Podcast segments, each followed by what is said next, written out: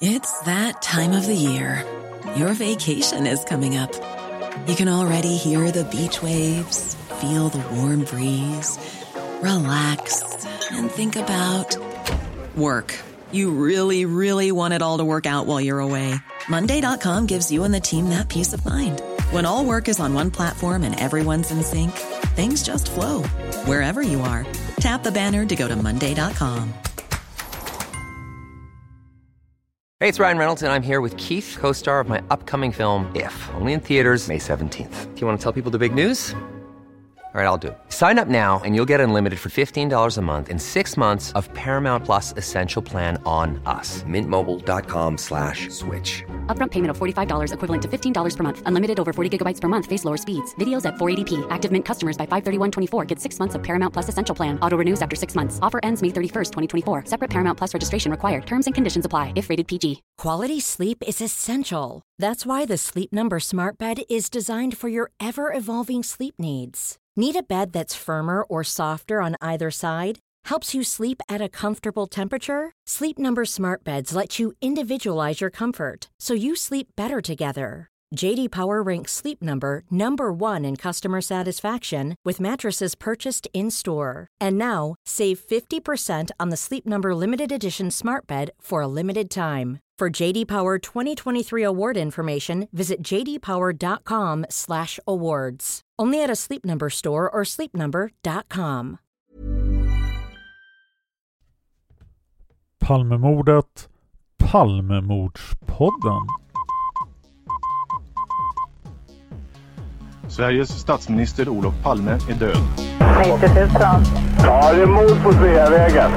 Hörde de säger att det är Palme som är skjuten. Mordvapnet med säkerhet är en Smith Wesson, en revolver kaliber .357. Inte ett svar. Finns inte ett svar. För jag har inget. Och jag har inte varit Varför skulle jag göra Polisen söker en man i 35 till 40-årsåldern med mörkt hår och lång mörk rock. Välkomna till podcasten Palmemordet som idag görs av mig, Dan Hörning. Ibland när folk nämner vad den här podden heter så säger de Palmemordspodden. Och då säger jag alltid nej, det är fel. Det är Johannes podd och idag har jag med mig en gäst jag har velat ha här i fem år. Det är Johannes Finnlaugsson. Hej Johannes! Tjena! Oj, oj, oj vad jag lät som jag varit eh, en eremit och oanträffbar. Och det har jag väl eh, till viss del. Ja, jag tror du blev lite Palmemordsutbränd där ungefär när jag startade podden. Ja, det var nog så. Att jag, eh, som sagt, jag har ju då podden som heter Palmemordspodden. Eh, medan du har podden som heter Palmemordet. Det stämmer bra det. Det kan bli förvirring där, har jag också märkt. Eh, ja, alltså, jag, jag minns att du då när du eh, var ny med din podd hörde av dig till mig och frågade om att vara gäst. Och att jag väl då svarade, nej men det kanske det är, men just nu är jag inte så upplagd för det. Och sen så la jag ju min podd på is. Och jag var lite så här, eh, jag var nog lite utbränd på Palmemordet då. Men jag hade väl mycket, jag startade ju mordpodd, kanske Sveriges första mordpodd, jag vet inte, det fanns kanske andra men jag känner N när var det här? 2013 startade jag Palmemordspodden. Januari. Ja, det är lite så här mordpodden, svenska mordhistorier, det är någonstans där, men du kan ha varit först. Ja, jag minns inte riktigt, men i alla fall så eh, startade jag den och, och höll på där och sen la jag ju ner lagom till att det börjar bli eh, kommersiellt gångbart med mordpodd i Sverige. Så att jag har aldrig varit så bra på att ja, vara kommersiell. Så att jag, jag, jag var feltajmad med den. Och då blev det lite att jag fick prioritera jobb som gav mig lön. Så att eh, det var väl också en anledning till att Palmordspodden gick från att vara regelbundet utkommande till eh, oregelbundet utkommande till nästan inte utkommande till helt lagt på is.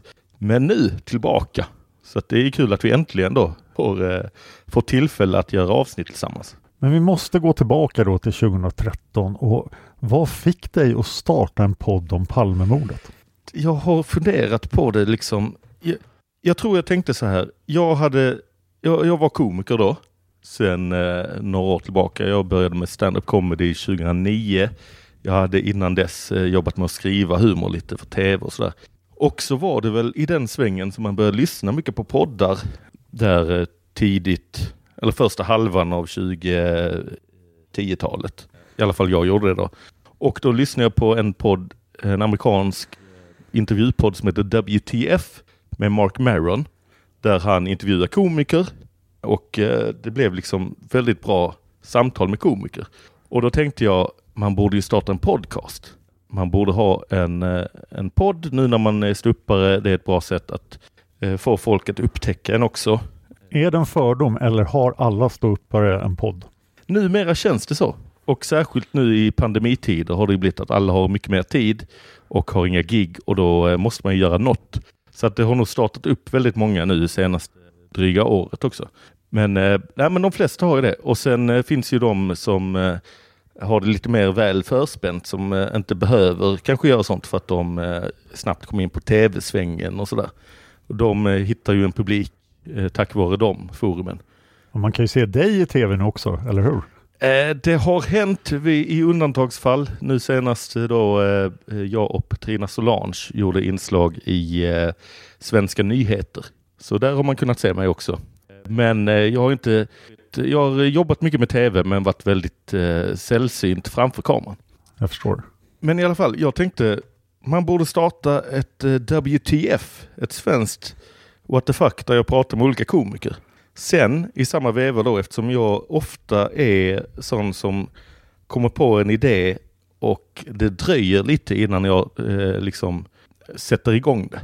Jag har eh, vissa komikerkollegor som är väldigt snabba från idé till handling, men jag är lite mer puttrande. Så att då gick jag och funderade på det och funderade så här, hur ska man, eh, man borde, måste köpa utrustning och så kollar jag liksom så här, vad är minsta möjliga utrustning man behöver allt sånt där. Lite lågbudgetkänsla på hela grejen.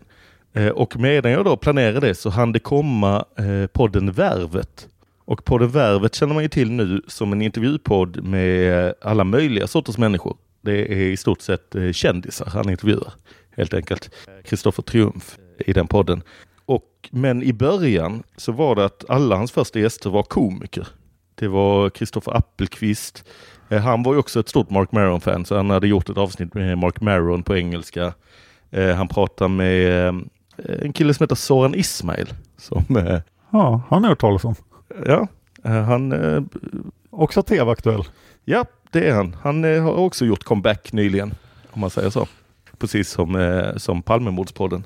Men eh, inga jämförelser i övrigt vill jag säga.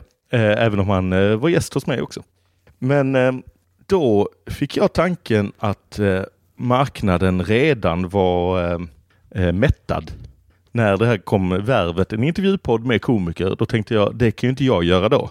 Lite feltänk för att man har insett nu när poddvärlden bara växer och växer att det finns ju alla möjligheter att eh, det finns fler poddar på, eh, med samma angreppspunkt, samma ämne, allt möjligt sånt här. Ja, min erfarenhet är ju verkligen att ju fler poddar som behandlar ett ämne, desto bättre för alla de poddarna. Ja, det känns nästan så. Men jag hade feltänket då att eh, det här är redan bränt. Jag kan inte starta en intervjupodd med komiker, för det finns redan. Så då tänkte jag att jag behövde komma på en annan vinkel. Och ungefär samtidigt så hade jag väl också tanken att jag återuppväckte mitt Palmemordsintresse som legat lite latent sådär. Jag har aldrig varit eh, så här i efterhand när jag analyserar super inne på just Palmemordet från början. Utan jag var mest road i mina tonår av att se Christer Pettersson vara TV3-kändis.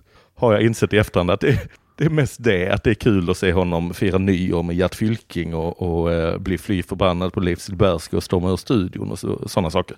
Men i samma veva då så var det väl att jag lyssnade på Petri Dokumentär om Palmemordet och tänkte att eh, här finns så himla mycket som de inte hinner gå in på. Det är nästan att man skulle ha en podcast som bara handlar om Palmemordet och som kommer ut varje vecka med ett nytt avsnitt där ett nytt spår tas an. Och då tänkte jag att det hade varit toppen om det fanns en sån podd. Eh, det är ju inte något jag borde göra utan det borde vara ett seriöst journalistiskt arbete från kanske eh, antingen då eh, att man hade tilltro till att Sveriges Radio skulle göra det på den tiden eller man bara hoppades att någon annan kunde börja göra det. Men sen tänkte jag, men jag kan ju komba de här två idéerna. Att jag intervjuar komiker och pratar om ett spår i Palmeutredningen. Och jag insåg ganska direkt att det var en rätt dum idé. För att det tar lite ut varann. Att det blir inte den här seriösa Palmemordspodden som jag hade velat lyssna på. Och det blir inte heller att man kan prata fritt och bara intervjua en komiker. Och när jag insåg hur dum den här idén egentligen var så blev jag sugen på att göra det. För att det kändes... Jag tycker en viktig sak när man poddar är att sätta förutsättningarna och förväntningarna och sen leva upp till dem. Ja. Och jag älskade när du sa det i avsnitt ett att så här, alla kommer att hata den här podden. Ni som vill höra om Palmemordet kommer att tycka det är för mycket skämt Ja. och ni som vill höra om stand-up kommer att tycka det är för mycket Palmemordet. Så nu kör jag! Ja, precis. Det är lite så att jag, jag är inte så bra på att eh, sätta fingret i luften och se vad som skulle leda till ekonomisk eller eh, annan framgång. Det är lite så i min eh, komikkarriär också, att jag, jag anser ju lite förmätet, eller mycket förmätet, att jag är betydligt roligare än jag är eh, framgångsrik. Att jag är väldigt bra på comedy, men det leder inte till så mycket för att man måste vara mycket bättre på andra saker som att eh, göra sig bra i, i tv eller att andra ska vilja samarbeta med en för att de, de känner sig lite extra coola eller att eh, man ska vara lite häftig på olika sätt. Medan jag är eh, kanske motarbetar mig själv mycket. Och även i detta fallet så valde jag att gå på dum idé framför eh, kommersiellt gångbar idé. Men sen eh, när jag började köra så märkte jag att det var väldigt roligt att göra. Och det är ju, eh, ja, det blir en väldigt rolig podd. Som sagt, den är fortfarande väldigt konstig och eh, svår om man ska tänka målgrupp. Men jag gillar ju att prata med komiker och jag gillar att prata om Palmemordet. Så det är ju skönt att komba dem. När jag upptäckte din podd Mm. Så kände jag verkligen att jag var en av de få i den riktiga målgruppen. För jag gillar stand-up och jag gillar Palmemordet. Ja, ja. Så ja, men det här är ju en jätterolig podd. Ja, jo men eh, eh, jag, jag, jag känner lite nu att eh, det blev en bra podd som jag tror många, eh, eller jag vet att många har uppskattat. Och jag tror den eh, kan vara väldigt underhållande för folk som inte heller identifierar sig så himla mycket som att man behöver vara intresserad av båda. Det är det jag känner lite nu när jag har startat upp den igen. Att eh, man känner av lite av en eh, en rädsla från publiken. Eh, det, det, rädsla är kanske fel ord, men en tvekan från publiken att det finns så många poddar att välja på. Så då eh, kanske de eh, väljer bort, om de inte är Palmemordsintresserade, att lyssna på Palmemordspodden. Eller om de inte är intresserade av eh, svenska komiker, så kanske de också väljer bort att lyssna på den. Men jag, det, jag vill inte sälja, liksom vara för mycket i säljarmode här, men jag tror fan det är en podcast som eh, mycket som, som med min, eh, min stå upp, eh, fler hade gillat den om de bara ville lyssna. Jag rekommenderar ju Palmemordspodden varmt. Och du var ju en direkt inspirationskälla för mig när jag startade den här podden. Mm. För jag insåg ganska snart att nej men Johannes är mycket roligare än vad jag är. Men jag skulle kunna göra den knastertorra Palmemordet-podden som granskar alla fakta i alla spår. Ja, och jag är väldigt glad att du eh, tänkte så. För att din podd är ju eh, fantastisk lyssning. Jag, jag ska erkänna att det dröjde ett tag innan jag lyssnade på den för att jag kände lite, som sagt, jag kände lite mättnad på eh, Palmemordet när jag själv hade gjort podd om det så länge. Och då hoppas jag verkligen att du inte lyssnar på de tidiga avsnitten när vi inte visste vad vi gjorde med ljudet. Jag, jag lyssnade inte på dem då faktiskt. Eller det kan vara att jag så här klickade igång något men sen kände nej men jag pallar inte. Nu eh, tänker jag inte på Palmemordet, jag lyssnar inte vidare. Men eh, så att det dröjde lite, jag behövde lite den här pausen för att sen eh, börja lyssna för något år sedan eh, rejält. Och då har jag lyssnat på de tidigare också. Men det är det här med ljud, alltså jag, det är helt förfärligt nu när jag gör Palmemordspodden igen så eh, har jag då upplägget att nu är det eh, i huvudsak då en prenumerationstjänst. Att man betalar en liten, liten peng så får man hela grejen. Och du får berätta var man hittar den så folk kan hitta till den. Ja, jag kan väl nämna det här då direkt. Underproduktion.se PMP. Underproduktion.se PMP då eh, förkortning för Palmemordspodden. Och då kostar det 29 spänn i månaden och då får man två nya avsnitt som jag gör i månaden och sen får man då av den gamla katalogen avsnitt, jag hann göra 80 80 något avsnitt.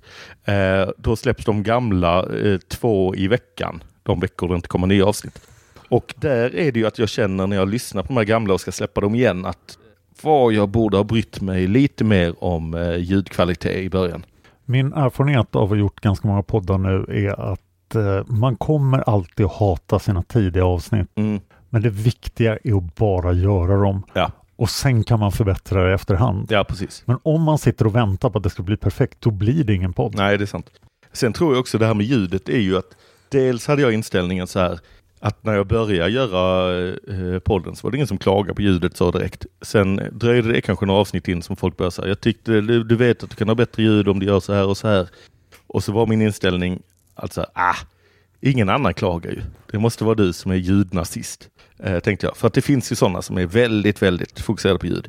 Så att det var ju lite dumt, att, för att jag gjorde ju verkligen eh, lo-fi, lågbudget. Jag köpte en Zoom-mikrofon, stod mellan mig och den jag intervjuade. Och sen är ju den, det, det blir hyfsat dugligt ljud om man är inte i ett rum där det ekar och sådana saker. Men sen märkte man ju att den är väldigt känslig. Om någon sitter lite längre ifrån och den andra lite närmare så blir det ojämnt och allt sånt där. Så att jag, jag skäms lite så här när jag släpper de gamla avsnitten nu att väldigt många av dem har dåligt ljud. Men, eh, men annars är jag nöjd att jag satte igång och bara körde. Även om det var liksom eh, med eh, svajig kvalitet från början. Även om ljudet, alltså folk stör sig på ljud och så här, så är det ju ändå innehållet som avgör en podds framgång. Ja, precis. Jag hade ju en gammal, en gammal bekant som, eh, eller en gammal vän som lyssnade på Palmemordet i början och sen bara åkte han hem till mig och tvingade på mig en Zoom H6 med två snäckor.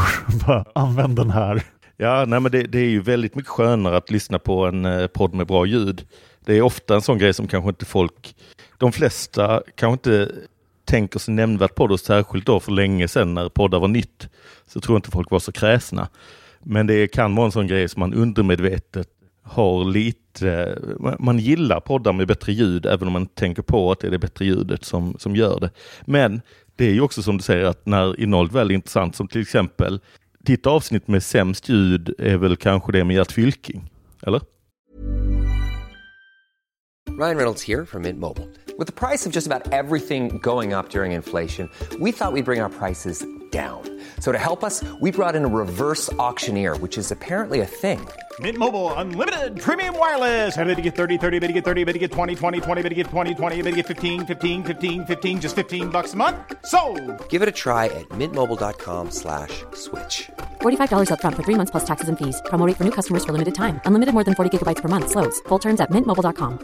Quality sleep is essential. That's why the Sleep Number Smart Bed is designed for your ever evolving sleep needs. Need a bed that's firmer or softer on either side? Helps you sleep at a comfortable temperature? Sleep Number Smart Beds let you individualize your comfort so you sleep better together. JD Power ranks Sleep Number number 1 in customer satisfaction with mattresses purchased in-store. And now, save 50% on the Sleep Number limited edition Smart Bed for a limited time. For JD Power 2023 award information, visit jdpower.com/awards. Only at a Sleep Number store or sleepnumber.com.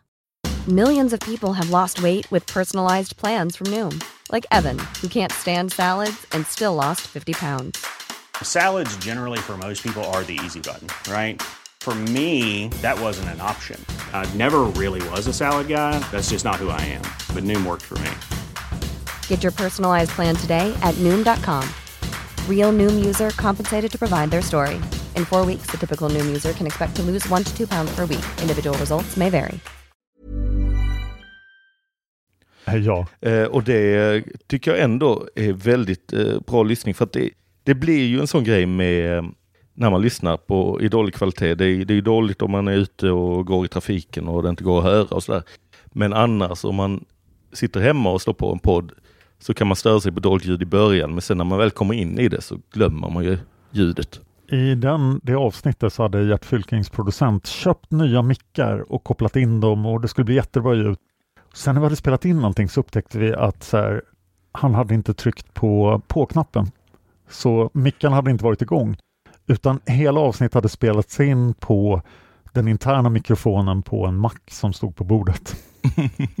ja, mitt avsnitt med sämst ljud var nog med, eh, förutom ett eh, där jag intervjuade Loop Troop och PSDQ om deras låt Jag sköt Palme. Ja. Som eh, är en väldigt underhållande hiphop-låt om Palmemordet, eller de tar på sig Palmemordet. Där bara fick jag för mig, när, när de, det var ju en jävla stor grej för mig att shit, de vill vara med i min podd via någon kompis som hade liksom eh, övertalat dem i stort sett. Och då bara när de, jag hade aldrig träffat dem innan men är liksom stort fan av, eh, eh, lyssnat mycket på deras musik när jag var yngre och sådana saker. Och, och, då säger liksom då Promo som är medlem i Loop Group, eh, som, han här som har eh, jättestort skägg och långt hår, säger bara det är så nice väder, kan vi inte sitta ute? Och jag bara, jo visst! Tar ut den här lilla jävla Zoom-micken, det var liksom första avsnittet jag spelade in med flera gäster också. Bara ställer den på ett utebord och liksom så fort det blåser lite så hörs ju ingenting vad vi säger.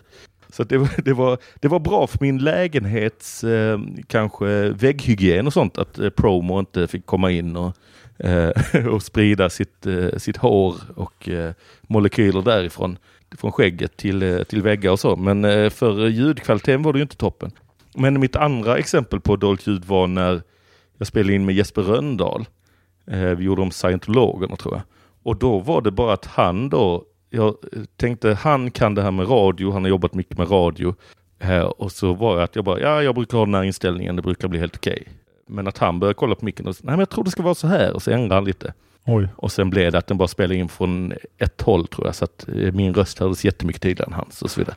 Då måste vi nämna då att om det är dåligt ljud i det här avsnittet så har vi gjort det av nostalgiska skäl. Det är avsiktligt. Precis, det är väldigt bra att ha den ursäkten. Jag har, jag har haft funderingen eh, eh, att jag borde ha gjort med Palmemordspodden från början. Att jag skulle gjort ett sånt här ett knappljud i början och slutet på avsnitten så att det låter som ett eh, gammalt kassettband. Och man då kan tänka sig att det är från ett förhörsrum. Att jag borde ha inlett varje avsnitt med förhör hållet med gästs namn och eh, tid och datum och sen dra igång. För då har man en eh, inbyggd ursäkt att det låter lite svajigt. Min eh, ljudtekniker för seriemördarpodden och massmördarpodden försökte göra det mm. i ett gammalt förhör och eh, det blev inte populärt. Ah, vadå, att han, eh, det var ett riktigt gammalt förhör och han la på eh, knappljud och sånt? Ja exakt, vi hade spelat in ett förhör som vanligt ah. och sen la han på effekter så det skulle låta som ett gammalt kassettband. Ja, ja, ja, ni hade, ni hade liksom gjort en nyinläsning av det? Ja. Ja. ja nej men eh, ibland är folk eh, bara motståndare mot eh, nya upplevelser. Kan vara det också. Nu, nu blev det väldigt ljudnördigt här, eller så här poddnördigt. Ja, men, eh, jag tänkte det, det, finns ju en risk här att vi hamnar i någon slags inbördes beundran-orgie. Så vi ska ha ett ämne ja. och jag tänkte att ämnet skulle vara just hur ämnet Palmemordet behandlas i humorvärlden. Ja, eh, det är ett bra, eh, bra val av ämne tycker jag. Och du är ju en expert, du har ju till och med gjort en hel standup-föreställning där du löser Palmemordet. Ja, eh, det har jag. Den heter då Johannes Finnlaugsson löser Palmemordet. Finns också med rätt eh, svajig ljudkvalitet på eh, Spotify och Youtube och Vimeo. Så om man vill kolla in den får man jättegärna göra det. Men ja, jag har gjort det och ja, jag får väl ta mig rollen som någon sorts expert på Palmemordsrelaterad humor då. Eftersom jag ändå håller på med båda grejerna. Men eh, jag kan väl till att börja med liksom berätta hur jag kom in på att börja stå uppa om Palmemordet också. Jag minns inte riktigt liksom, i vilket skede det var kontra när jag startade podden, men, men min bild var lite då att eh, vad konstigt det är att inte det finns mer humor om Palmemordet. var liksom min tanke där tidigt eh, 00-tal, eh, 10-tal kanske, 2010-tal. Att jag tyckte det, det är ju nästan en brist i svenska samhället att vi har det här stora jävla öppna såret i samhället som är Palmemordet. Och så har inte folk nyttjat det till att göra högkvalitativ humor. Nu plingar något till här. Det kanske, vi kanske avlyssnar nu. Nej, men jag, jag hade någon känsla av att eh, vilken brist det är. Att, eh, varför ståuppar inte folk mer om detta? Och varför minns jag liksom inga större djupdykningar i sketchprogram och sådär. Eh, och jag hade liksom någon bild av att det inte fanns så mycket humor kring Palmemordet. Och så började jag lite själv med det då och hade några one-liners här och där. Och, och eh, sen eh, startade podden och efter ett tag där fick då idén att jag borde göra en hel föreställning om det. Vad var det första skämtet du körde? Det kan ha varit eh, en one-liner om att man brukar ju säga att när Olof Palme mördades var det en dag Sverige förlorade sin oskuld. Och eh, det tar mig extra hårt eftersom jag själv förlorade min oskuld på exakt samma sätt. Det var också en kall februarinatt på en bakgata i Stockholm till en pistolbeväpnad amfetaminmissbrukare medan Lisbeth Palme tittade på. Ett väldigt, eh, opassande skämt. Oj, ja. Ja, jag tror det kan vara mitt första Palmemordsskämt på scenen. Men jag minns också att Jag kanske måste lägga in en varning i början av det här avsnittet. Ja, det kan bli lite trigger, triggervarning för att eh, jag har eh, ibland eh, lite opassande humor. Eller rätt ofta. Men jag minns också att det var ett tillfälle när en ståuppklubb som heter Oslipat, de, finns, de startade i Malmö men finns nu i Uppsala och Stockholm och Jönköping, lite olika orter. Men de hade ett temakväll som de då och då hade. Och då hade de, eh, de hade haft några kvällar där temat var i någons anda. Och då hade de att olika komiker som var där lottades att de skulle vara stå uppa i samma anda som en annan komiker på plats. Eh, Så att det blev liksom, eh, det var, det var inte de kända namnen då kanske för allmänheten men att det blev en, en Thomas Högblom skulle stå uppa i Emma Knyckares anda. Eller sådana saker. Ja. Men då hade jag, jag tror det var jag som kom med förslag till dem att de kan också göra det fast med kända komiker. Att vi då, eh, Malmö-komiker, lite undergroundiga, eh, får välja liksom kända liksom storkomiker från ute i världen och stå i deras anda. Och då gjorde de en sån kväll, en temakväll där eh, man skulle skriva egenpåkommen, alltså egenproducerad humor, men i samma anda som kända komiker. Så någon, någon gör, gjorde liksom Jerry Seinfeld-andan och hade bara observationshumor och sådär. Och jag tog eh, Bill Hicks, som är då en gammal husgud för många. För egen del hade jag någon period när jag tyckte han var jättebra. Men eh, sen kanske det inte är riktigt min stil. Det är lite predikande, lite, han vill visa hur han eh, liksom har genomskådat allt aura. Han liksom vill, vill visa, kolla mig, jag har fattat hur allt ligger till. Eh, han är väldigt skicklig på det, så han är väldigt bra. Men då fick jag för mig att jag skulle göra stå upp i hans anda. Mycket för att det skilde sig från min humor i övrigt som ofta var inte, alltså he- helt avsaknad av patos och vilja att, eh, att visa att, att jag har fan rätt om saker och ting. Utan jag, jag kör, Det låter ju vansinnigt svårt. Ja, det är ju det. Fast eh, det är ju också en väldigt framgångsrik metod när folk ska bli stora som ståuppare. Att de ska lite berätta att de är, eller så här, det finns liksom Bill Maher och det finns, eh, men även liksom Daily Show med Jon Stewart, att det blir så här åsiktshumor. Och även då den tidigare nämnda Soran Ismail, här var ju mycket av hans comedy var att, eh, att folk skulle skratta och hålla med för att han sa eh, rätt saker om, eh, om olika, olika grejer. Men då fick jag för mig att jag skulle vara Bill Hicks för att det skilde sig så mycket från eh, min stil i övrigt. Och då ingår det i hans eh, ståupp att han har rätt mycket grejer om Kennedy-mordet. Ah. Och då tänkte jag, vad är vår motsvarighet? Jo, men det är ju Palmemordet. Så då körde jag lite konspiratoriska saker om Palmemordet. Faktiskt material som inte kom med i sen när jag gjorde ståuppföreställning själv om Palmemordet, utan det var lite för mycket i Bill Hicks anda. Det var lite saker som jag inte riktigt kunde stå bakom och, och, och köra den vinkeln när jag var mig själv. För att jag gjorde en väldigt långsökt konspiration som jag fortfarande idag tycker är rätt rolig. Men där jag insinuerade om, eh, eller nej nu blandade jag ihop, för då, då var det att jag blandade in eh, Anna Lindmordet också. Apropå opassande ämnen. Det känns nästan som Anna Lindmordet är ett mycket mer opassande ämne att ta upp på ståuppscenen än eh, Palmemordet. Kanske avstånd och så. Ja, det är bara tragiskt. Ja, det är det så. Men jag jobbar mycket med tragik också i min comedy. Så jag hade någon konstig konspiration om eh, att eh, det inte var Mijailovic utan Daniel Westling. Att jag bara ville påminna alla om, minns ni inte de här första bilderna på NK-mannen? Var han inte väldigt lik Daniel Westling? Och var det inte att Daniel Westling bytte stil exakt kanske dagen efter? Att jag hade eh, insinuant konspiratoriska tankar. Eh, väldigt opassande. Så att det tog jag inte vidare till min vanliga ståuppsare. Men det så det ändå... Kom det tillbaka till att Daniel Westling mördade Palme också? Jag kanske insinuerade något om, jag minns inte noga, men det var något om att det var liksom något sorts inträdesprov i, i kungahuset att göra sig av med en representant för arbetarklassen. Så det var verkligen så, en parodi på Bill Hicks konspiratoriska tankar var det i stort sett. Men det fick mig in på spåret att göra humor om Palmemordet mer. Och sen har jag ju, liksom, även om jag då hade bilden att det fanns så lite humor kring Palmemordet, så har jag insett i efterhand att det, det finns ju en hel del. Jag har eh, fått omvärdera eh, och insett att det finns till exempel mycket, eller inte mycket, men eh, det finns ju små sketcher här och där i tv-program jag såg som, eh, som barn. Helt apropå och eh, Lorry och så där. Och min minnesbild var, vad konstigt det var, jag kollade ju på Helt apropå som barn, men jag, jag minns inget om Palmemordet och det är jättekonstigt för det gick ju verkligen där.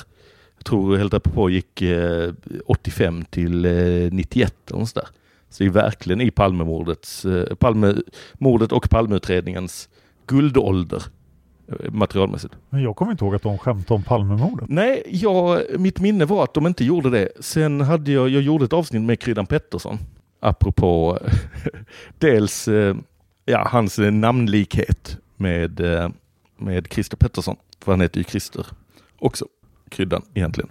Och då nämnde jag det, från, så, men ni, ni skämtade ju om, ni gjorde satir om allt som hände, men ni gjorde inte eh, om Palmemordet var det att, ni inte, att det var okänsligt. Och då sa han, nej, nej, men det gjorde vi ju.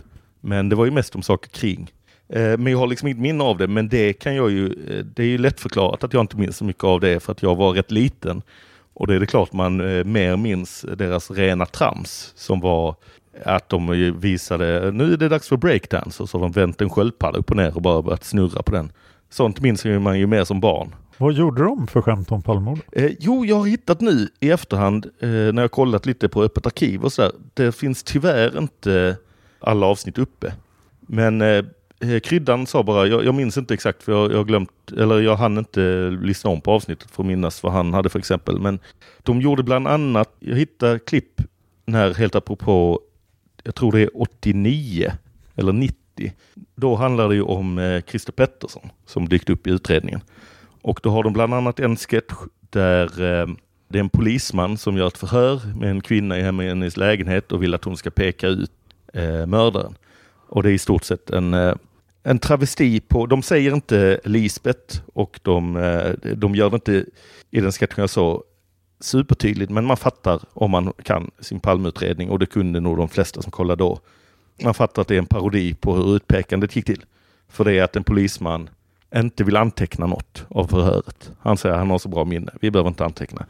Nu ska vi göra en vittneskonfrontation. Han släpper in en tv, sätter i ett videoband där det är en ensam person som bara står med en siffra åtta runt halsen. Och så kan du peka ut den här gärningsmannen och så säger hon, men ska det inte vara fler? Nej, det behövs inte. De andra var inte så lika. Och dessutom ser man ju eh, att det är han som är eh, alkoholist och missbrukare. Så att vi behöver inte fler. Så att det är en parodi på eh, utpekandet där. Och sen gjorde de också någon sketch i samma program såg jag där polisen slår till mot en Christer Pettersson. Men att det visar sig att det var en annan som heter Christer Pettersson. Och att de då måste, ja, då får vi gå vidare till nästa. Att de, tanken då att de bara går till alla i Sverige som heter Christer Pettersson och, eh, och försöker gripa dem.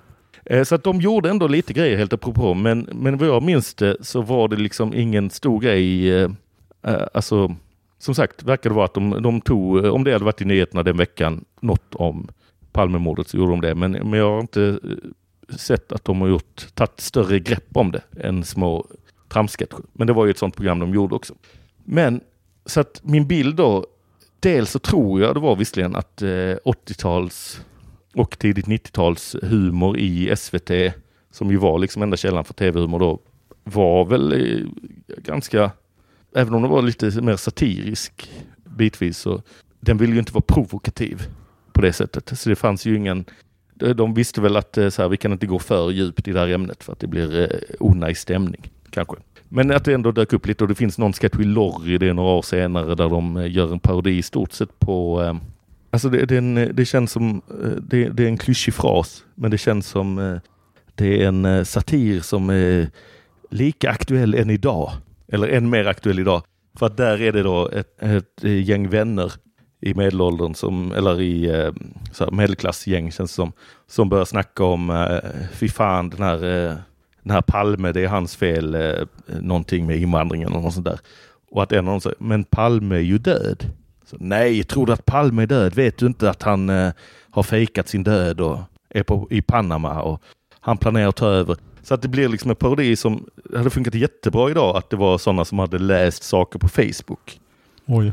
Men där blir ju parodin att det, det, verkar ha funnits tillräckligt många alternativa medier även innan, så innan internet. Att man kunde göra parodi på att alla vid bordet utom en har läst liksom suspekta blad med sanningen. eh, så den, den är underlig. Den är, hittar man, eh, eh, den finns på, någon har lagt upp den på Daily Motion. Eh, den heter Palme är lat, heter sketchen om man vill söka upp Lorris. Eh, mycket möjligt att de gjorde fler grejer om eh, Palmemordet. Jag eh, har inte starka minnen av så här att jag har sett så jättemycket Lorry, så att jag, jag kan inte agera expert där. Men de, de känns som ett program som... Finns det en lyssnare som vet mer om det här så tipsa oss på Facebook. Ja, för det känns ju som Lorry eh, och Peter Dalle skriver, eh, skrivande är rätt kompatibelt med att göra satir kring Palmemordet och sådär också. Men den sketchen finns, heter Palme är lat och menar att han är inte död, han är bara lat. Det är därför han inte gjort, gjort åt saker och ting. Alltså han fejkar sin egen död för att slippa allt ansvar. Ja, och sen urartar det i konspirationen att han planerar en invasion för att ta makten i Sverige igen. Och då eh, han här som är den rimliga runt bordet spelad av Johan Ulveson. Men varför, varför skulle han när han hade makten fejka sin död för att sen komma tillbaka och ta makten igen? Det är väl onödigt. Och att de ja, skäller ut honom för att han är så lättlurad och går på mainstream media och sådär. Han kanske bara behövde en paus på så här fyra år för att komma tillbaka och leverera bättre. Ja, precis. Så kan det ju vara. Men så att det, det är två exempel på tv-humor från eh, cirka i alla fall tiden precis efter Palmemordet som ändå gjorde humor på Palmemordet. Sen har jag upptäckt i efterhand eh, betydligt mer eh, obskyr humor, inte mainstream, men eh, ändå humor kanske mer i min anda. Och att om jag hade haft åldern inne och varit några år äldre så hade jag älskat den då, men jag upptäckte den sent nu och, och älskar den nu. En underground serietidning som heter Elixir.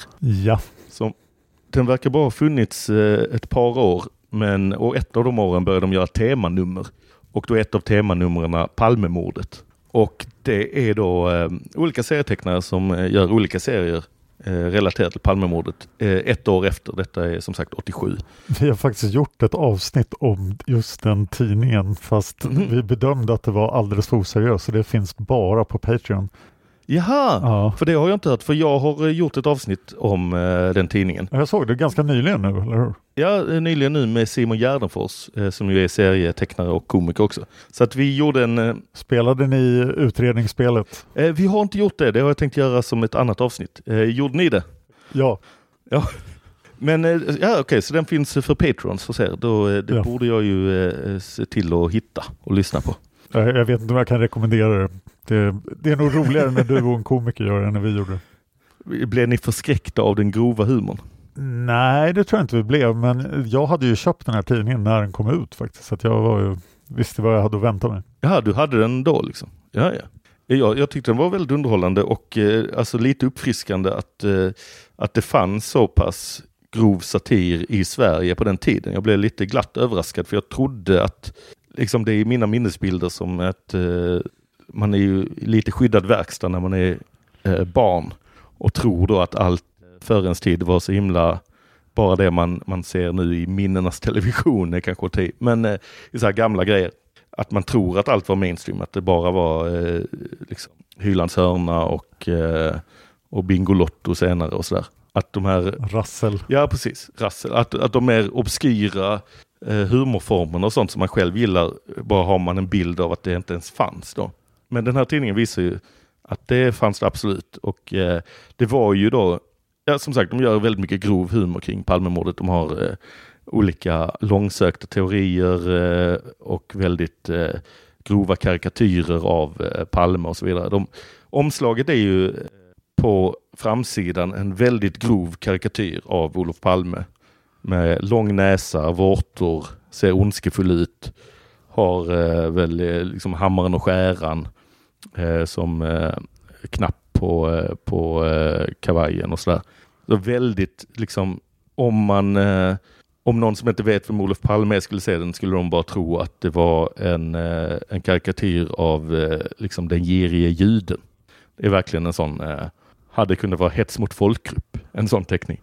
Eh, men då gör de, eh, då är det det på framsidan och sen på baksidan, eller eh, på framsidan är det den eh, grova karaktären av Olof Palme, han ser ond ut eh, och det står före.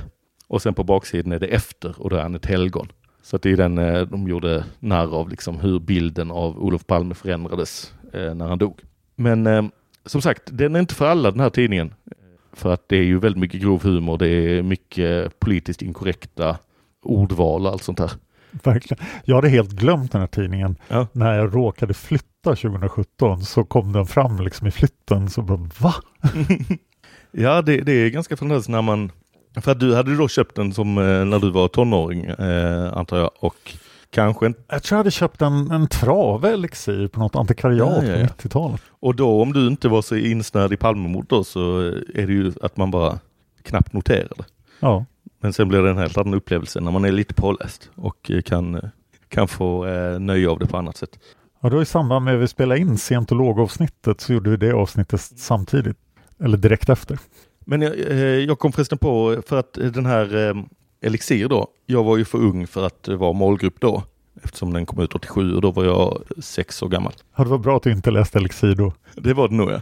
Men några år senare så var jag i målgrupp när tidningen Python kom. Och det är lite så här samma stil, väldigt grov humor fast där var det ju ännu mer kanske vänt till 12-åringar. Här är det ju ändå kanske lite äldre målgrupp eftersom det är lite politisk satir och sånt där också i Elixir. Men eh, där i Python som verkligen var lägsta klassens humor om man ska vara liksom lite fin i kanten. Mycket brutala grejer och mycket eh, kiss och bajs och eh, ja, osmakligheter. Men där minns jag ett litet skämt om Palmemordet eh, också. Ett antal år senare, då, det måste varit 94. För då hade de en grej i slutet av tidningen som var någon sorts parodi på nyhetssidor. Och det var ett av skämten, detta var som sagt 94, så att det var rykande aktuellt då. Men då hade de skämtet att eh, Palmeutredningen nu har gått över till att jobba med uteslutningsmetoden. Den första de eh, utesluter är Håkan Mild. För att han är den enda som skulle missa på det avståndet. Väldigt 1994. Väldigt 94 för att Håkan Mild då, för de som inte är fotbollsintresserade, missade en straff i straffläggningen 94. Så att det var en, en fotbollsdiss eh, invävt i eh, Palmeskämt. Så att, eh, men eh, och sen har jag också då kollat upp så här i efterhand och kommit ihåg andra Palmeskämt, liksom, eller Palmehumor i, eh, i media. Fanns bland annat i eh, programmet Räkfrossa, som var ett program med David Batra och eh, Johan Glans, föregångare till Kvarteret Skatan. De, de gjorde en eller två säsonger av ett program som heter Räkfrossa som var lite mer eh, lågbudget eller vad man ska säga, lite enklare. De var lite nyare på det då. Och sen eh, så blev det samma gäng med lite nya folk blev senare Kvarteret Skatan som blev lite bredare och större. Men då gjorde de ett avsnitt eh, humor om Palmemordet också. För att de, eh, de är i en studio eh, framför publik och så snackar de lite, eh, Johan Glans och David Batra och eh, låtsas då att de ska göra ett seriöst anslag om Palmemordet. Och Johan Glans frågar David Batra eh, den klassiska frågan som jag har som en av mina standardfrågor i Palmemordspodden. Han säger alla minns var de befann sig när Olof Palme mördades. Alla minns vad de gjorde då. Kan du berätta David, vad gjorde du? Till exempel. Och David Batra säger nej, nej, men jag, jag var ju 14 då. Jag låg på mitt pojkrum och eh, ja, vi behöver väl inte prata mer om det. Och då blir det konstig stämning och glans. Vad, vad, vad menar du? Vadå inte prata mer? Vad gjorde du? Nej, vi behöver inte. Jag, jag låg där, det var en jättemysig säng och jag låg där under täck. Jag hade, det var, eh, föräldrarna var, var på nedanvåningen och jag hade en plansch på Samantha Fox och eh, du vet hur det är. Och då eh, liksom urartar den här beskrivningen i vad han gjorde när Palme mördades till en så skamfylld eh, tonårs onanihumor helt enkelt. Där, eh, där David Batra liksom eh, inte vill prata om det, men att Johan Glans sen gör rekonstruktioner av hur eh, Davids rum var uppbyggt. Alltså, han har ritat så att det ser ut som eh, korsningen Tunnelgatan Sveavägen, men det är, det är liksom eh, David Batras sovrum där han eh, befläckar sig. Medan Det här tror jag faktiskt jag har sett. det, det är väldigt roligt. Det, det blir liksom som en återkommande, det, det är liksom inte en sammanhängande sketch utan det är återkommande under det här avsnittet. Så att det, det var också en sån grej som jag hade sett. För jag kommer ihåg att jag kollade på Räkfrossa när det gick. Då var jag ju något äldre. Liksom i tonåren tror jag. Och jag minns att jag hade sett det. Eller nej, jag minns att jag hade sett Räkfrossa. Men jag kommer inte ihåg att jag hade sett det förrän jag hittade igen på nätet för en eh, eh 50 år sedan. Så att eh, mina minnesbilder att det inte fanns så mycket humor om Palmemordet var ju felaktiga. Det finns ju. Men de är mer utspridda i, eh, i liksom små doser här och där på senare år så finns det ju lite mer då. Ja, du har ju haft, eller haft med i podden eh, Chiafino, hans fina förnamn, Mosara. Just det, We Got This. We Got This. Så att han fick göra en, eh, han gjorde en hel tv-serie, två säsonger väl, om Palmemordet och utredningen. Ja, säsong två är ju på gång. Ja, så var det just det. Och eh, sen har jag även upptäckt, liksom eh, Måns Möller hade en eh, rolig ståupprutin som jag då inte hade hört, men det var väl att jag skämtade om Palmemordet eh, på någon ståuppklubb innan honom och han då passade på att släpa upp sitt gamla material om, eh, ja, han gör en gestaltning av hur det är i Palmegruppen. Detta var eh, liksom när den var som mest inaktiv. Så att han har liksom bara en väldigt rolig gestaltning av hur deras morgonmöte går till. Att det är varje dag så här, ja, vi har alltså att Olof Palme skjuts ner på, eh, i korsningen Tunnelgatan Sveavägen den 28 februari. Eh, Lisbeth Palme eh, skadas lindrigt. Och eh, ja, det är där vi står idag. Har ni några förslag? Och att det bara blir en, ja, en, en gestaltning av hur extremt lite det finns. Och det är faktiskt så här, det, det är om jag ska gå in på Palmehumor som nästan bara blev av så hade jag det som förslag när jag jobbade på eh, humortalkshowen Robins. Så hade jag som förslag eh, tid att man skulle göra en återkommande inslag för att vi hade eh, det programmet är mest så här eh, småsketcher. Men vissa säsonger så fanns det också en liten följetong att eh, varje, varje vecka var det två minuters sketch med ibland Sissela Benson, Filippa Bark och så vidare. Och då hade jag förslaget en säsong att man skulle ha sådana här korta sketcher, en, en liten miniföljetong på två minuters avsnitt som var då Palmegruppen. Vad gör Palmegruppen? Och så skulle varje avsnitt vara att de gör något annat, att de liksom spelar pingis eller att uh, för det var liksom, jag minns inte när jag pitchade detta, men det var ju när det var som, som minst kring Palmemordet i medierna. Men bara att Palmegruppen fortfarande fanns och Palmeutredningen fortfarande fanns. Så jag tänkte att det skulle... Ja, mellan 98 och 2013 typ. Ja, ungefär så. Eh, då var det ju väldigt eh, tamt med information och eh, de måste haft eh, så himla tråkigt. Eller det var liksom i den perioden när de fortfarande var inställda så ja men det är ju Christer och eh, men vi får inte säga det. vi måste låtsas jobba med något annat. Då eh, måste det ju ha samlats mycket damm i de, de rummen alltså. Det har rullats mycket tummar. Ja, när var det, var det Heiba Beriba som gjorde den där prao på Palmeutredningen? Ja, de har också gjort det kanske. Ja, den har jag missat tror jag. Men eh, ja, det kan jag tänka mig. Ja, det är en prao-elev som kommer dit och ska jobba i Palmeutredningen. Den är riktigt bra.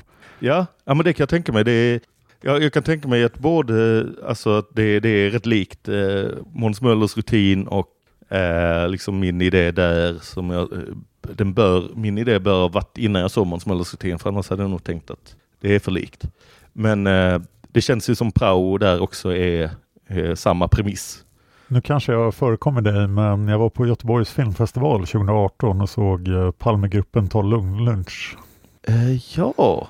Jag tror den finns tillgänglig på nätet nu också. ja. ja, ja, den är ju... Den var lite för lång. Okej, okay. så filmen hade, det, var mer ver, eh, verklighetstroget lång och långdragen än eh, ja, effektivt rolig. Okay. Ja, jag har inte sett den faktiskt. Men eh, ja, men eh, som sagt, ja det finns ju lite Palmehumor. Sen finns det ju i, liksom, i musik också som, eh, som du nämnde och eh, som jag nämnde den här låten Jag sköt Palme, Loop Troop och, eh, och PSDQ. Och väldigt mycket humor i sig också. Det är också, den, den kom ut 98 eller 99. Så att en av mina favorithumorrader i, i den är att det, det är väl dels roliga beskrivningar av att de skulle varit liksom tio, tio år gamla och har mördat Palme för att det stämde med deras ålder. Att de sköt med vattenpistol och så vidare. Eh, men de har också raden då som också gör det eh, väldigt tydligt eh, tidsmässigt när, när den här görs, görs. Att de tar på sig ett an, en annan politikerrelaterad, eh, ja inte ett brott men, men ändå med raderna maskerade med skägg och hår som svinto plus det var jag som knullade Clinton att de tar inte bara på sig Palmemordet, de tar också på sig att det var de som eh, gjorde opassande sexuella saker med Bill Clinton. För att detta var mitt i Lewinsky-gate och så vidare. Ja, var det inte en underbar tid när det värsta den amerikanska presidenten kunde göra var, var otrogen? Ja, det var, det var en eh, fin tid. Det blev större skandal än eh, anklagelser om eh, grab by the och så vidare. Ja. Nu är det, har, man har flyttat fram eh, positionerna. Vad som, är, vad som anses opassande och så vidare. Men ja, eh, så jag vet inte, det är bara några exempel som eh, jag eh, spontant kom ihåg. Vi kom på det att vi skulle snacka om eh, Palmehumor. Sen finns det ju då som sagt, om jag ska själv propagera, eh, föreställningen som jag nämnde, eh, eh Johannes Finnlaugsson löser Palmemordet. Där jag då gör vad är det, 55 minuter eller något sånt där. Och den är lite så här i efterhand så kände jag när jag gjorde den att eh, här har jag gått igenom alla de stora spåren. Allt som är liksom, eh, jag, man hade ju kunnat göra den betydligt grundligare, alltså gå in mycket mer på olika saker. Men jag kände att jag vill hålla den ganska allmän så att en stor publik kunde se den utan att vara helt påläst på olika spår. Så att jag, jag gör liksom fem minuter om eh, polisspåret, fem minuter om, eh, om 33-åringen och kanske eh, 12 minuter om Christer Pettersson och så vidare. Men så här i efterhand så blir det ju lite då att eh, man bara noterar hur Skandiamannen inte nämns med ett enda knyst. För att Ja, det, granskningskommissionen missade honom också. Inuti labyrinten har inte med honom heller. Så att Nej, det är... du, du är gott sällskap. Ja, men det känns lite som att eh, vissa liksom har eh, liksom inte minns hur litet och obetydligt tanken, alltså idén att Skandiamannen skulle ha med det att göra fanns ju tidigt. Men den avfärdades av nästan alla. Och sen blev den på modet för några år sedan då. Och de, de som tror på det menar ju tack vare att man listade ut att det var han.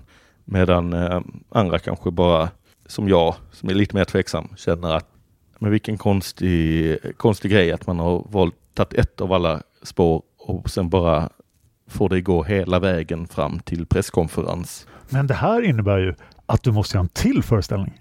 Ja, jag har funderat på att göra en uppföljare. Eh, Johannes Finnlaugsson löser Palmemordet ännu en gång. Eller något sånt där. Du kan ju ha så här, imitera presskonferensen. Jag har faktiskt eh, haft en idé om att göra, eller jag hade idén faktiskt redan då direkt efter presskonferensen. Det är lite så här att när man är en komiker på nivån som jag är, som är liksom eh, mycket do it yourself och så vidare, så kan man ju ha bra idéer, men de är väldigt svår, svåra att genomföra för att, eh, ja, jag, jag hade tanken att göra, iscensätta en eh, liknande presskonferens och göra liksom humor av det, men eh, det krävde ju kamerasetup, någon som fixar med ljud, någon som, eh, ja, man behöver hitta en lokal. Så att det är sådana idéer som är roliga, men eftersom man inte är, man är inte Stellan Sundahl och har ett program som heter Helt apropå som jag bara vet från att ha jobbat på SVT Malmö eh, när folk pratat om det i efterhand. Vad de kunde lägga pengar på småsketcher för att det fanns så himla bra budget på SVT på den tiden och det var liksom inga stopp. När jag jobbade på Robins var det mycket så här, ja det är en kul idé men det, det skulle ju ta mer än en inspelningsdag så att det, det blev för dyrt. Så det, det, kan vi inte göra. Man fick bara skriva sketcher som var i kontorsmiljö i stort sett. Medan vi måste helt enkelt dra mer folk till underproduktion.se så att du får ja. större resurser. Ja, precis. Eh, jag behöver uh, bli jag behöver ha råd att ta mina dumma idéer längre och bästa sättet just nu är då, ja, fler prenumeranter på Palmemordspodden. Underproduktion.se pmp. Det skulle hjälpa mig marginellt. Och behöver du någon som sitter bredvid dig och gör Hans Melander så ställer jag upp. Ja, det, det skulle vara väldigt kul. Du behöver inte säga så mycket, bara se lite missnöjd ut. Ja, jag har en fundering. Just nu är det ett spår som, eh, som jag tycker är mest intressantast som vi tagit upp i Palmemordspodden nyligen här. Eh, Antisaltfria vägmannen. Äh, va? Det hade varit kul att göra en... Eh, ja, det har du, du har missat det. Du får lyssna på det avsnittet. Ja. Det är ett nytt spår. Ett nytt spår som eh, är mycket mer substansfyllt än vad man tror vid första anblick. Oj, ja det ska jag lyssna på. Ja, så där, där funderar jag att eh, det hade varit kul att uh, göra en presskonferens med det. För att jag, det är bara att det skulle bli en dålig parodi för jag skulle ha mycket mer info per, per powerpoint-slide än vad ursprungspresskonferensen hade. Jag tycker det finns mer saker på honom än på Skandiamannen. Men det är en annan fråga. Men ja, uppföljare till den hade ju varit intressant att göra eh, mer om Palmemordet. Särskilt då kanske att man tillåter sig djupdyka i saker och, och kunna ha skämt som man behöver vara lite påläst i Palmemordet för att fatta. För att det blir lite så, man kommer på skämt men eh, ja, ibland så eh, fattar inte folk dem. Sen måste man ju nämna att din podd är en stor källa till Palmemordshumor och jag minns ja. speciellt avsnittet som bara var ordvitsar. Vem var det som var gäst då? Ja, det var eh, Niklas Andersson, en göteborgare. Det var väldigt göteborgskt. Det var enormt göteborgskt. Jag, eh, jag kom på den idén. Alltså att, eh, för att som sagt, min tanke från början är ju ett spår per avsnitt eh, med en komiker. Och sen efter ett tag så insåg jag att, för att i början var det bara att eh, komikern fick välja ett spår. Men sen började jag mer tänka vilken komiker passar till vilket spår. Och ibland eh, eh, gjorde jag det omvänt, att det fanns en komiker jag ville ha med. Men jag kom inte på, eh, och då, då blir det mer eller mindre kristade kopplingar mellan eh, ämne och komiker. Men där så var det bara att jag tänkte, han är Niklas Andersson eh, jobbar jag med då. Han, eh, han är lite, eh, folk kanske inte vet vem han är eftersom han har så vanligt namn, men han har fått lite break nu på senare år. Han, han är med lite i tv. Han är väldigt bildskön. Han är en riktig svärmorsdröm i utseende och är härlig och eh, likeable som det heter i branschen. Folk tycker instinktivt om honom. Eh, så att han har fått lite break nu när han är med i SVT humorgrejer och hans eh, klipp sprids på nätet. Får det väldigt mycket, mycket likes och spridning. Han är göteborgare väldigt mycket dock. Och då bara kom jag på att eh, jag kan göra ett avsnitt med det väldigt, väldigt långsökta spåret då, där vi kallar att det spåret är kyrkorådet. För att det finns den gamla ordvitsen eller jag minns inte hur skämtet byggs upp, men det är så här. Eh, har du hört att de eh, klarat upp Palmemordet? Va? Hur vet du det? Ja, men det står ju på gravstenen. Sköts av kyrkorådet. Det finns ju några klassiska ordvitsar om Palmemordet, och, men i det avsnittet så det tar ju inte slut. Det kommer hur många som helst. Nej. Ja, det blev ju att eh, Niklas då eh, tog på sig istället för att eh, där, där min plan inför avsnittet var att göra ett vanligt avsnitt av Palmemordspodden där jag först intervjuar honom och sen kom in på spåret och så att vi kanske rent allmänt skulle prata lite kring ordvitsar och eh, Palmemordet så hade han ju tagit det som en skrivuppgift. Så han hade ju plitat ner jätte, jätte, jättemånga vitsar. Så att det blev enormt många och ganska påfrestande för en sån som mig som inte är ett jättestort fan av ordvitsar. Så det, det är ett, ett avsnitt fullsmockat med göteborgskhet. Det kan vara det avsnitt jag minns allra bäst. ja. ja, det är ett speciellt avsnitt får man säga och det är ju eh, Ja, det är också att jag eh, eh, anklagar honom lite för att han hela tiden när jag då jobbat med honom så är jag ju alltid så här, han kommer på eh, massa skämt, han är rolig. Rolig på att komma på idéer rent allmänt, men många av dem eh, också ordvitsar. Och jag då fick vara motpolen på redaktionen som var så nej det är för ordvitsigt, det kan vi inte ha med. Så att, och, så, och att jag ofta då när han drog den ordvitsen att jag alltid svarade med Göteborg! Eh, medan han påstår att det, det är inte alls det, du överdriver, det är inte typiskt göteborgare att hålla på med ordvitsar. Nu gör jag det visst för att jag jobbar här men annars så är vi inte mycket för ordvitsar. Och då fick jag liksom poängtera för honom eller påminna om så. Du, vänta här, du har ett korpenlag i fotboll, vad är det nu ni heter? Och bara, jag vi heter Peléfanterna. eh, så att han är ju han är ju en väldig ordvitsare. Han är väldigt göteborgare och därmed väldigt mycket ordvitsare. Ja. Så att, eh, det blev ett, ett avsnitt där han bara matade på med ordvitsar som jag har matat på här eh, utan ordvitsar förhoppningsvis eh, till större delen med olika gamla minnen från eh, tv-humor och annat kring Palmemordet. Är det någon yttring av Palmehumor vi inte har tagit upp här som vi borde nämna? Um, Eller har vi gjort en tillräckligt bra överblick över ämnet? Eh, det kan ju absolut finnas någon lucka här. Eh, det kan vara att jag missat något. Jag försöker tänka nu. det kan vara så att man kommer på direkt efter inspelningen att fan den, den jäveln har jag missat. Men det är ingen... Om ni lyssnare kommer på någonting, då vill vi höra det på Facebook som sagt. Ja, det finns ju garanterat eh, fler humoryttringar kring Palmemordet som jag inte har koll på. Eftersom jag kanske var för ung och inte tittade på Lorry och så vidare så mycket som, eh, och, min lilla barnhjärna inte tog in allt som hände. Jag vill ju också säga till lyssnarna att det här är ett unikt undantag i den här podden och ha en så här rolig människa med här. Det är inte tanken. Vill ni ha roligt att höra om Palmemordet måste ni lyssna på Johannes podd. Ja, eh, jag tackar för rekommendationen även om jag inte känner att det är alltid farligt i comedy att, att utlova att någon är rolig. För då reagerar alla så, nej inte så rolig. ja, känn pressen. Det är, alltid, det, det, är den värsta, det är den värsta presentationen man kan få som komiker. den här killen, ni har aldrig hört talas om honom, men han är den roligaste som finns. Välkommen upp. Och då sitter publiken och säger bara, nej, jag, han är inte Johan Glans, så att då eh, litar jag inte på dig. Eh, lite så. Eh, så att, eh, Och det gäller att sätta förväntningarna rätt. ja, precis. Så ehm, jag hoppas, eh, jag har, inte, jag har inte gjort mitt bästa humormässigt i det här avsnittet, vill jag poängtera. Jag är mycket roligare annars. Det måste jag alltid säga, det säger jag efter vad jag än gjort. Så att de ska tro att jag är mycket roligare nästa gång. Så att de kommer tillbaka och lyssnar på min podcast eller kollar på mig nästa gång jag står uppe. Ja, om ni vill höra någon som inte försöker vara knastertorr om Palmemordet Ja. så, så är det Palmemordspodden som gäller. Mm. Palmemordspodden på underproduktion.se pmp. Ja, jag vet inte om du har andra så här pluggmöjligheter, men man får gärna följa mig på Jo, plugga loss allt du vill plugga. Det är bara att köra. Man får gärna följa mig på eh, Instagram och Twitter där jag heter Johabed och i undantagsfall skämtar om Palmemordet, oftast om annat. Och eh, jag har en Youtube-kanal också där det ligger lite skräp. Eh, Johannes Finnlaugsson heter jag där.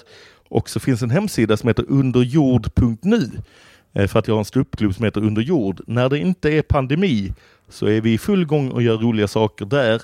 Just nu ligger nere på grund av restriktioner och så vidare. Men eh, om man lyssnar på det här avsnittet eh, när man får gå ut och ha roligt, då köper man biljetter till roliga saker på underjord.nu. Och det är huvudsakligen i landets sydligare delar. Precis, det är Malmö-baserad eh, ståuppklubb. Underjord. Härligt, vad kul att du ville vara med här. Det här, som sagt, jag har försökt övertala dig i fem år nu. Ja, jag är jätteglad att eh, jag fick vara med och att du var med i eh, min eh, podd. Så att, inte minst så ska man ju rekommenderas att åtminstone hoppa över och lyssna på även det avsnittet där jag pratar med, med dig om privatspanare. Det stämmer bra det och förhoppningsvis har vi lyckats koordinera släppet av de avsnitten. Ja, vi gör en sån klassisk crossover som de gjorde i... Ja, vilken veckodag kommer du ut? Jag kommer ju ut eh, onsdagar också. Så att eh, Perfekt! Onsdagar för Palmemordet. Ja, eller rättare sagt, varannan onsdag kommer ett nytt avsnitt. Varannan tisdag och torsdag kommer två eh, klassiska avsnitt som jag givmilt valt att kalla mina gamla repriser. Ja, det finns många pärlor där. Ja. Eh, Stort tack för att du ville vara med. Tack själv, det var eh, mycket trevligt. Man hittar Palmes mördare om man följer PKK-spåret till botten. För att ända sedan Julius Caesars tid har jag aldrig hört talas om ett mord på en framstående politiker som inte haft politiska skäl. Polisens och åklagarens teori var att han ensam hade skjutit Olof Palme. Och det ledde också till rättegång. Men han frikändes i hovrätten.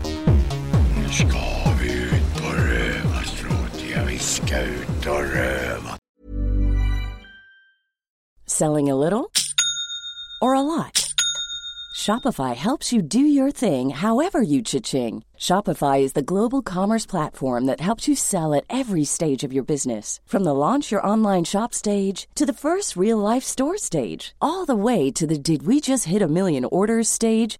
Shopify is there to help you grow. Shopify helps you turn browsers into buyers with the internet's best converting checkout. 36% better on average compared to other leading commerce platforms because businesses that grow grow with Shopify. Get a $1 per month trial period at shopify.com/work. shopify.com/work. Hey, it's Danny Pellegrino from Everything Iconic.